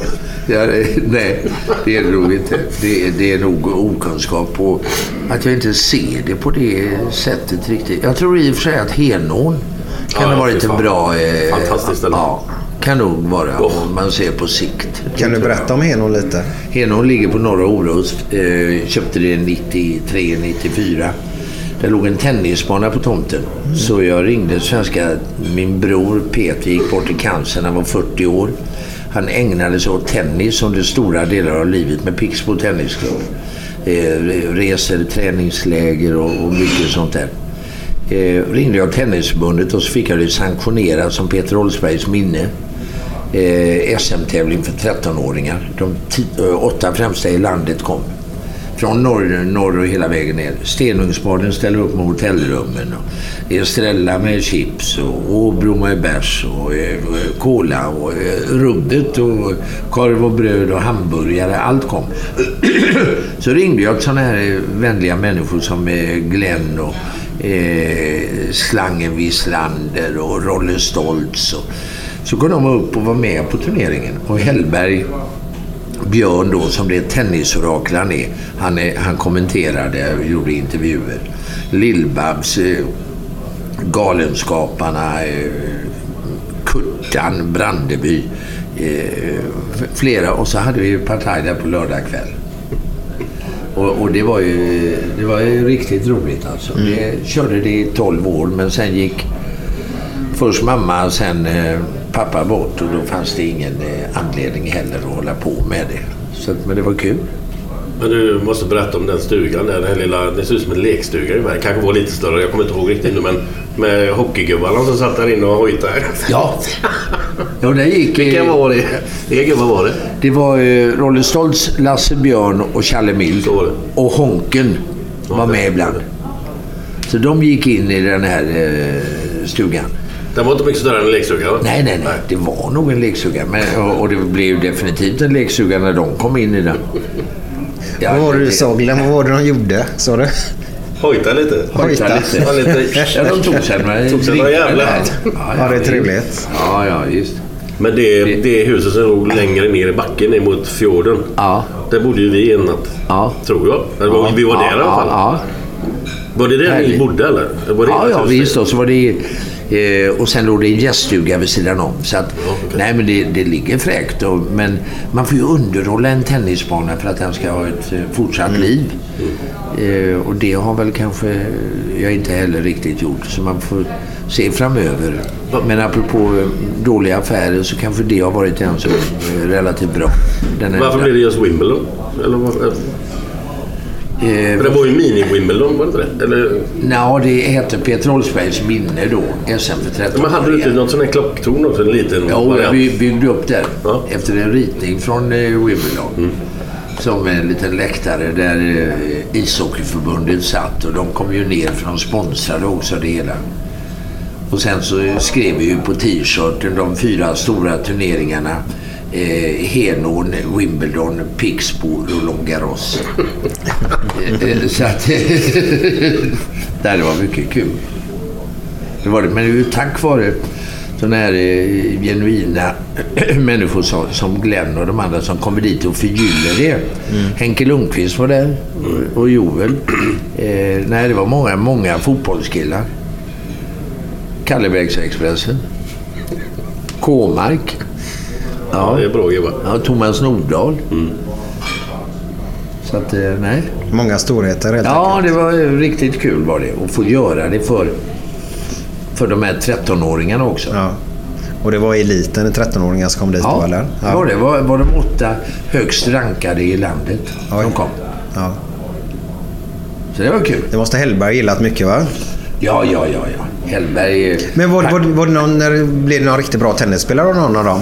Kommer du ihåg det? Nej, men det kunde ha blivit det året när vi höll upp. Eh, för att eh, mamma gick bort. Då var han 13 år, eh, eh, Robin Söderling. Eh, och, ja, och hade han varit med hade han ju vunnit turneringen. Och så hade det, ja. Ja, okej. Men, men eh, då, han var förresten väldigt bra på OS. Eh, när han kommenterade nu. Okej. Ja. Ja. Tog det lång tid Glenn? Ja, ja. Jag kopplade direkt. Nej. Men eh, det med Kurt, du berättade att Kurtan var ju uppe hos dig där. Men han har ju även varit med På spåret ju. Ja. Och jag, jag har hört någonting om att eh, du stötte på honom någonstans och han var lite kaxig eller någonting. Kan du berätta? Ja, ja det kan jag göra. Eh, Kurtan Lasse Brandeby var en fantastisk kille. Också eh, tillgänglig och inga konstigheter. Och, eh, var, var också öppen eh, men var rolig som fan kunde han ju vara. Eller kunde vara, han var det nästan alltid. Och han var med På spåret och så har han varit ute en kväll. Och då har de pratats vid det här laget som skulle vara med. Och så möter de mig på kaféet inför inspelningarna, två, tre timmar före. Och då kommer Kurtan upp för trapporna där. Så säger han, du Baggis, Baggis, nu vet jag hur du tänker. Nu har jag listat ut hur du tänker alltså. För att det här är... Nej, inte riktigt. Men det gör inget. Kom in och sätt dig väl. Kom in. Kom in och sätt dig. Kom in. Jag kan sitta där ute och vänta. Hej. Hallå. Tjena, tjena, tjena. tjena. Hej. Och det är ljudtekniker. Men jag kan eh, sätta mig där. Du, ta- ta en prosecco. Så kommer jag. Ja. Vi håller väl inte på sådär vansinnigt? Eh, vad- Nej, det är lugnt. Det är lugnt. Det är Blåvitt nu också. Ja, det har du rätt i. Vad sa du? Ja, men det gör inget. Det gör ingenting. Det är fint. Ja. Ju fler man är desto roligare. Ja, jo. Eh, Kurtan då kommer upp efter att ha varit... Lasse Brandeby och Kurtan kommer upp på TV-huset efter att ha varit ute och pratat med, med sina kompisar i På spåret. Möter mig i fiket och säger Ingvar, nu vet vi. Vi vet exakt hur du tänker. Eh, alltså med dina ledtrådar. Så att det, säger du till exempel vi torde resa till. Då är det Tordén som var direktör för varvet i Uddevalla. Då är det Uddevalla. Torde resa till, det är Uddevalla, det är glasklart. Och så går han därifrån förnöjd vet du, och säger att han har listat ut hur vi tänker. När vi sen ska börja programmet så är det alldeles märkligt men första resan går mellan Mellerud och Uddevalla. Så Uddevalla är ju det som han har pratat om och säger att han skulle lista ut. Jag hade inte med den här ledtråden vi torde resa till. Men jag la in den på 10 poäng. Vi, vi eh, torde resa till eh, en kustnära stad eller någonting sånt här, vad det nu var. Eh, som som eh, har gått upp i varv och också ner i varv eller någonting, för de hade ju varven där. Och när han hör Torde där, då tänker han ju Uddevalla. Men kör Ingvar med mig? Är det den ledtråden? Alltså, är det rätt? Eller är det, ska det verkligen vara Uddevalla? Eller är det han som driver med mig nu när han fått höra mitt sätt att tänka? Men, men till slut så bestämmer han sig och så rycker han och så sk- skriker han Uddevalla! och det var ju rätt då. Vi tog det resa till. Ja, det var Kurtan. Kurtan var ju fantastisk. Eller Lasse. Lasse Brandeby. Härlig människa. Hur skulle du vilja att Göteborg utvecklas de närmsta åren? Närmsta 30-40? Ja, jag vet inte, men, men jag menar... Jag tycker man ska ta hand om, om det som är vårt signum. Och det är ju eh, hamnen. Eh, det, det området nere vid hamnen, det kan både bli tilltalande bostäder, det kan vara restauranger, det kan vara strandpromenader, eh, alltihopa. Och göra det, det gör man i väldigt många andra eh, sjö och hamnstäder i världen. San Francisco, fantastiskt där nere vid Pirerna och, och Golden Gate-bron och bort igenom. Jag tror att förutsättningarna finns till, till att göra det. Sen naturligtvis får vi ju inte glömma att vi har de här stora evenemangen eh, tack vare var, eh, Gothia Cup och, och eh, Dennis och gänget där. Eh, och vi har handbollen. Och det är klart att man måste då kunna se till att, att eh, det finns planer för dem. Och att det finns... Du vet om stan utvecklas på det sättet med stora evenemang, vilket egentligen är en självklarhet, för stora evenemang i sin tur föder också och genererar hotellbesök, restaurangbesök, mycket, mycket annat. Det blir en, eh, det blir en positiv eh, cirkel för stan. Eh, så att, nej, hamnområdet eh, primärt, bevarande av heden. Jag är ju inte alldeles säker på att den här Västlänken kommer att vara rätt och hur länge pågår det idag? Det, det, det kan ju pågå ah. Så att eh, jag tycker nog att man borde ha övervägt mer än vad jag tror att man har övervägt. Alternativa lösningar för, för eh, den länken. Eh, utan att vara till hundra, hundra insatt. Men framtid finns ju för Göteborg, det är klart. Sen vill jag ju egentligen att Göteborgskamraterna ska komma tillbaka upp i toppen. Absoluta topp, ja. Ja. Kan de kan ju börja med att göra en bra match idag. Ja, det kan de göra. Får gärna vinna mot Häcken idag. Det gör Du, vi. va, va, varför får vi inte fram gubbarna Glenn som vi fick förr i tiden? Alltså jag tror lite grann att det är så här att när de är 18-19 år, många idag, så sticker de till Danmark eller Norge. Eller så det blir aldrig någon... De får aldrig spela ihop ett lag här. När, när vi spelade så var det ju... Gubbarna var ju kvar i 5-6 år i alla fall. Ja, Sen ja. kanske de stack om de var bra då. Men nu är det ju... Alltså, det är inte hur många som sticker. Om du läser vilka som är i Danmark ja. som proffs, vilka som är i Norge. Jag känner inte igen hälften av dem. Nej, nej. För det är Nej. killarna som sticker när de är 17-18 år. Liksom. Så det finns ju ingen chans att göra något vettigt här. Spela ihop dem. Sen är det en annan sak tycker jag. Nu snackar jag bara fotbollen här då, jag går inne på det. Med eh, det här 51-49% regeln som finns. När det gäller aktier, Ja, ja. alltså vilka som ska äga klubben. Yes. Det är ju ingen som går in där med massa pengar om du inte får 100% ägande. Och Jag är övertygad att det finns massor av folk i Sverige som gärna skulle gå in, men inte på de premisserna som är nu. Och skulle det vara så då, så har du ju lite kul att kanske behålla gubbarna istället för att de sticker till Norge och Danmark. Du kan ju inte behålla dem om du sticker till Italien och de här jättespelarna då. Det kan du inte jämföra med. Men vi kan ju Men komma lite andra, närmare. vi kan komma lite närmare. Ja. Ja. Men då är det många som säger att då säljer man sin själ och supporterna eller medlemmarna ska ha då den procenten. Mm. Visst, det är jätte kanonbra alltså, på alla sätt och vis. Men vi får ju välja någonstans. Ja, ja. Vi kan inte ligga och plaska hur länge som helst. Nej, men nej, nej, så är det ju. Det, vad tror du om akademin där då?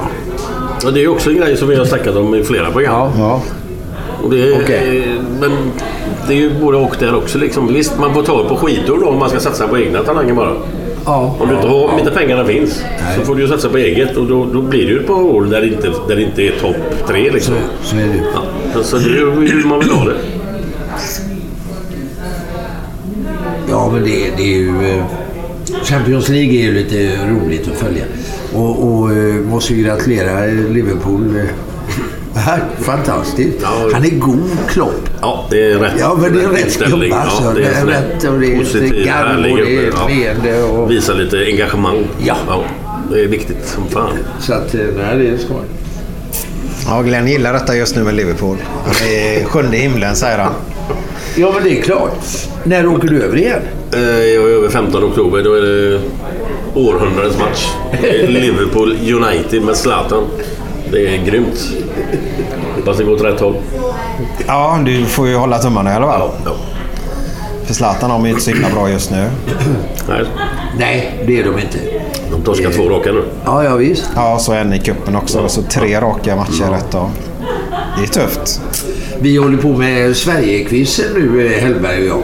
Ja, det vi är var- ute, och ja, reser eh, i landet. Och så kommer det i höst. Ja, det är ju redan inspelat och klart. Men, och då är det på en app man kan gå in och titta. Men det är ju fantastiskt roligt att göra det med Björn. Och när han skulle dreja och det blir... Ja, det är ju en klassiker. när jag körde stridsvagn och han satt vid sidan om i det här tornet och tittade upp med hjälmet. Och, och jag hade ingen riktig koll på spakarna och på bromsar och grejer utan rakt ut i skogen och kapat träd som höll på att ramla på tv-teamet. Då skriker jag bara tittar huvudet upp i hjälmen och så säger jag har familj. Och så ner igen. Ja, han finner så snabbt den mannen. Ja, det är... Hur ser framtiden ut för dig Ingvar? Du, eh, Bingolotto-grejerna kör jag ju ett år till. Eller eh, knappt ett år till. Så får vi se hur den fortsättningen blir. Eh, Sverigequizen tror jag ju kan... Eh, ja, vi Vet inte om det återkommer. Det beror på hur utfallet blir denna gången. Eh, så att det är väl... Eh, och så kanske det kommer in något annat eh, program. Så den, den är väl inte... Och den ska nog inte vara för utstakad heller. Vet du. Nu blir jag ju eh, 72 där. Jag att- säga det. Ja, Det jag- Känner du suget fortfarande? Liksom? Det, Ja, det liksom, tycker jag. Det, det brinner för allt du tar tag i liksom. Ja, det tycker jag. Hur känner Men- kroppen? då? Hur, hur, hur Ja, men i kroppen kan jag ju känna att eh, eh, ti- tiden går. Va? Och, Ja, eh, och lite, jag har flimmer med hjärtat vilket, och, och sen lite, eh, lite problem med de här canceranfallet som jag fick för eh, tio år sedan. Och där vi har gjort undersökningar eh, varje år. Och då har de visat att det inte är något kvar. Men, men eh, det, eh, det, det är klart att man märker på ett sätt att eh, tiden, att tiden sticker där. Eh, försöker ju, jag har en sån här cykel och löpande och sånt i lägenheten och utnyttjar det men det blir mer sällan mellan gångerna där tycker jag. Det är inte så jävla roligt eller? nej, nej, det är det inte. Nej, kommer ju ingenstans. nej, nej. Så Det är ju rätt. Men du har glöden kvar i alla fall. Det är ju skönt. Ja, ja, ja, ja. Och visst. Så att det är glöden kvar för det arbetet och eh, ska ju, och så vill vi ju resa mycket med Maria och jag. Ja, ni gör Eh, väl det har också? man då, alltså har man lite förutsättningar till det så kan man ju göra det. Mm. Sen så vill man ju engagera sig i frågor. Du frågade till exempel om Göteborg och hur man vill det ska se ut framöver. Jag tycker ju att vi måste komma till rätsida med de hemlösa problemen. Det måste ju ett, ett socialt eh, Eh, samhälle som, är, som- har pengar och intäkter kunna eh, lösa den situationen för folk. Sen finns det alltid de som vill vara hemlösa och som eh, inte bryr sig om det. Det, det tror jag ju. Men sådana situationer, det, det är inte bra. Det, det är ju en svulst på den göteborgska kroppen. Där, där vi måste kunna sätta in resurser. För vi sätter in resurser inom andra områden. Vi, vi måste se till att sjukvården blir bättre, att vi avlönar dem som är i sjukvården. Sjuksköterskor och grejer som går och jobbar dubbla skift och jobbar helger och 24 timmar. Det är ju en skam att inte de ska få tillräcklig intäkt. Det tycker Nej, jag jag. Som lägger ner så, så mycket på de här grejerna.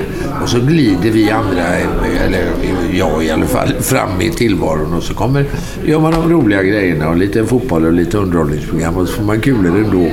Det, det, det är inte rättvist och då på något sätt skulle man se till att sjuksköterskorna, eller personalen, sjukpersonalen, äldrevården. Och det tycker jag är totalt obegripligt att politiker inte inser det. För de borde ju inse att de själva snart sitter där. De blir ju bara äldre. Så att det... det, eh, det eh, nej. Det finns många sådana stora sociala frågor. Pensionärerna som kanske inte har stålar för att eh, bo kvar. Utan får lämna lägenheter och annat. Det, det är ju heller ingen, ingen bra grej. Alltså. Nej. Det är det inte. Poliser, brandmän. Poliser, som hjälper, brandmän sliter som som fan det hjälper händer och som hjälper oss. Ja, som hjälper Som oss. har inte speciellt bra betalt. Nej, Nej. nej, så är det ju.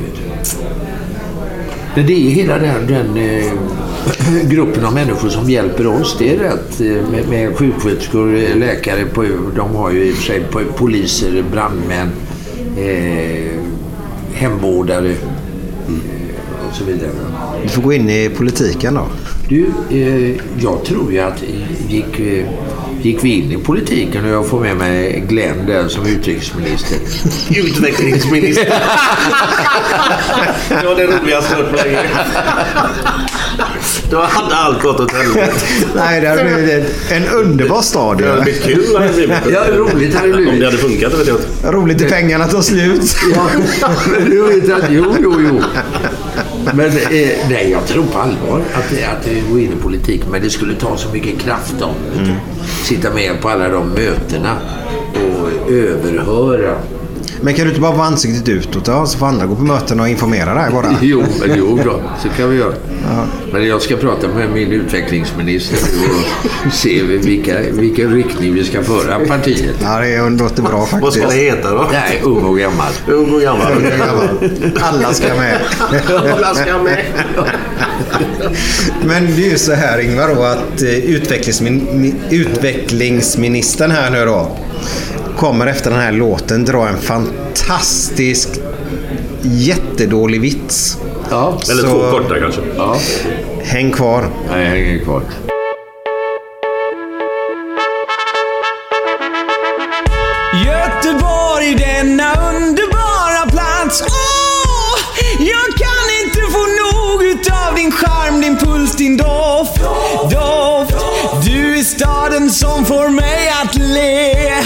Yeah.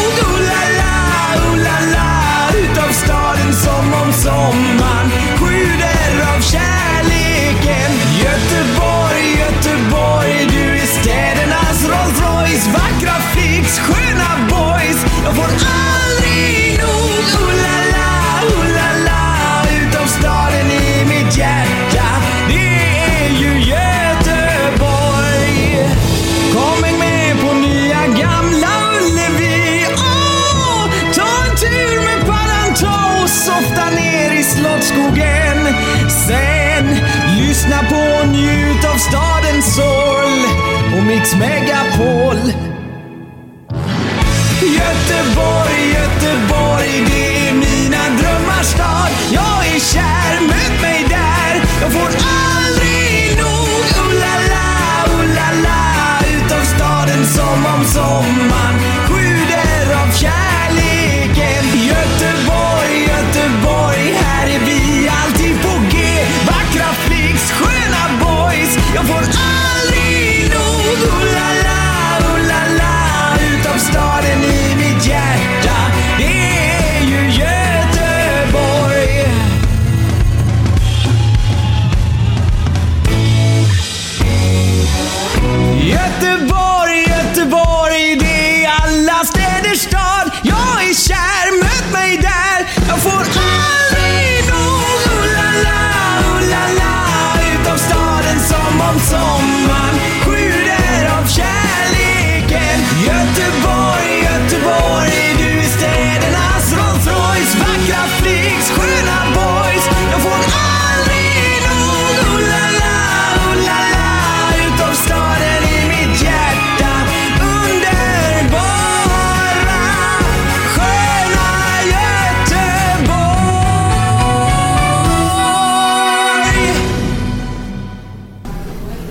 Kolla vilket litet flygplan.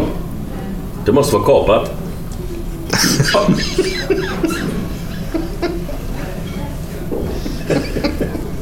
Kolla!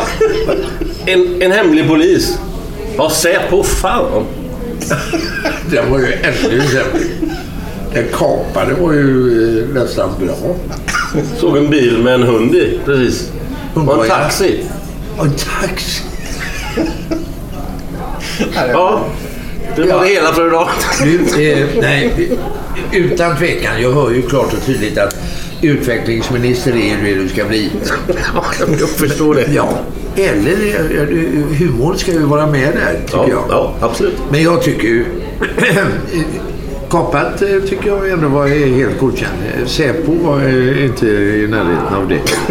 Men då vill jag berätta Bertil Bebbin Johanssons historia. När Arne Hägerfors fyllde 70 år på restaurangen här intill så var vi där för att hylla honom. Det var Bosse Gens, det var Fredrik Belfrage, det var undertecknad och, och Bertil kommer med hustru Solveig. Och alla berättar historier. Så säger Bebbin som avslutning. Kan inte jag få berätta en historia också? Jajamensan. Eh, och då säger han, när vi sitter jag och tanten hemma, vi bor ju ute på ön här, och tittar på TV så är det jag som har hand om fjärrkontrollen. Det är jag som styr hemma när vi tittar på TV. Så då sitter jag och växlar där hela tiden. Jag är intresserad av fiske. Då växlar jag där och så ser jag fiskefilm, porrfilm, fiske, porrfilm, porrfilm, fiske. Och då säger Solveig, Bertil, Bertil, stanna vid porrfilmen för fiska kan du.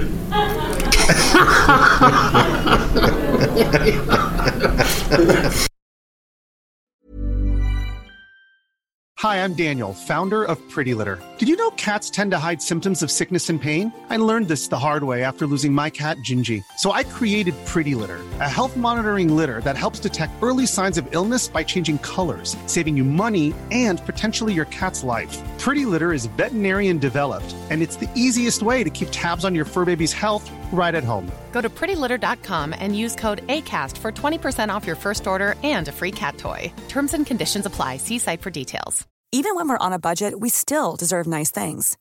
Quince is a place to scoop up stunning high-end goods for 50 to 80% less than similar brands.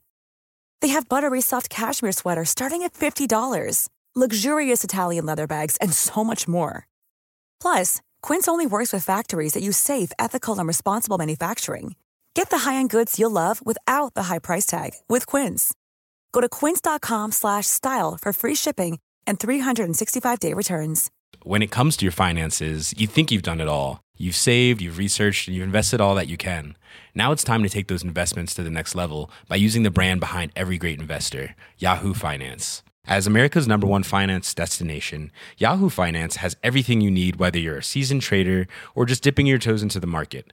Join the millions of investors who trust Yahoo Finance to guide them on their financial journey. For comprehensive financial news and analysis, visit yahoofinance.com, the number one financial destination, yahoofinance.com.